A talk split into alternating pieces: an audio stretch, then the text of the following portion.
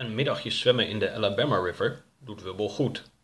S'avonds bezoeken de reizigers het Walton Theater, waar ze luisteren naar een klassiek concert. Ze maken kennis met de vriendelijke Ray en zijn vrouw, die hen na het concert naar een hotel brengen. Oroka besluit dat het de volgende dag tijd wordt om afscheid te nemen van Row. Hoofdstuk 19 Lekkere broodjes. Oroka opende de gordijnen. Helder ochtendlicht drong de kamer binnen. Je snapt toch wel dat we je niet langer mee kunnen nemen? Wubbel en ik doen waar we zin in hebben. Hij is een eend en ik, nou ja, je mag het best weten, ik kom van een andere planeet. Als wij straks wegrijden uit Selma, is er niemand die ons mist. En als we de staat Alabama achter ons laten, is dat ook geen probleem. Maar voor jou ligt dat toch anders. Irvin is waarschijnlijk nog steeds naar je op zoek.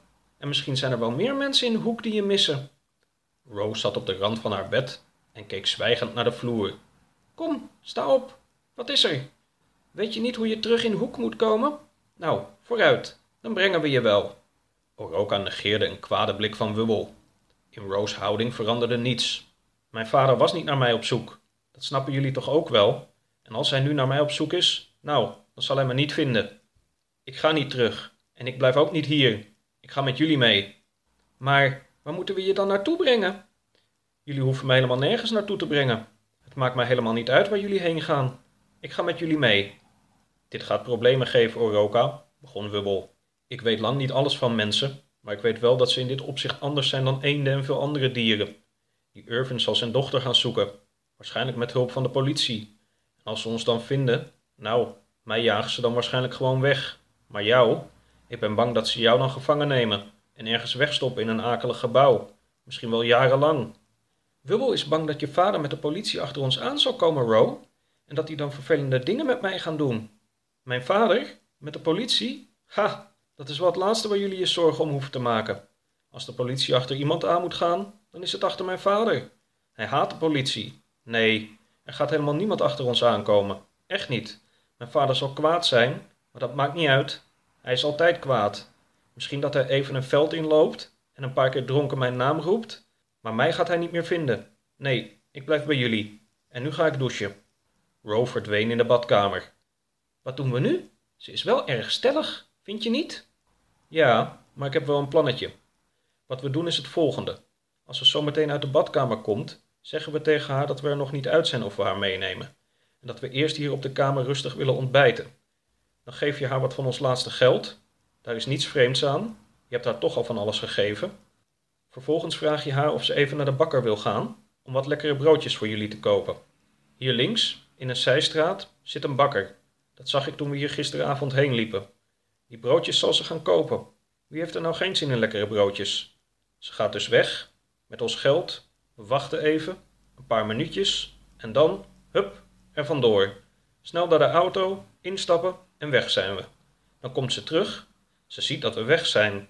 Dat zal ze niet leuk vinden, maar aan de andere kant, ze heeft wel een zak vol lekkere broodjes.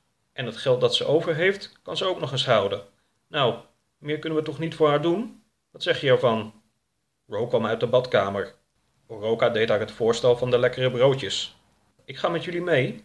Daar hoeft verder niet meer over nagedacht te worden. Verder wil ik best wat broodjes gaan halen. Ik heb ook trek. Maar waarom gaan we niet met z'n drieën naar de bakker? We kunnen die broodjes toch ook buiten opeten? Ja, dat kan ook wel. Maar ik wil ook nog even douchen. En uh, Wubbel wil nog even op de kaart kijken om te bepalen hoe we straks gaan rijden. Goed, dat snap ik. Oké, ik hou wel even wat broodjes. Oroka gaf Ro wat geld. Ro ging op weg naar de bakker. Wubbel keek uit het raam, zag haar het hotel uitlopen en even verderop het straatje van de bakker inslaan. In de bakkerswinkel keek Ro naar vitrines vol zoete baksels en sandwiches. Met twee volle papieren zakken liep ze weer naar buiten, terug naar het hotel, waar ze de trap opliep, terug naar de kamer. Ze deed de deur open. Daar ben ik weer. Fijn, antwoordde Oroka, die midden in de kamer stond. Dan kunnen we gaan. Wat is er met Wubbel aan de hand? Is hij weer zagrijnig? Ja, hij had een plannetje, maar daar was ik het toch niet mee eens. Dus hebben we even ruzie gehad. Maar nu kunnen we gaan.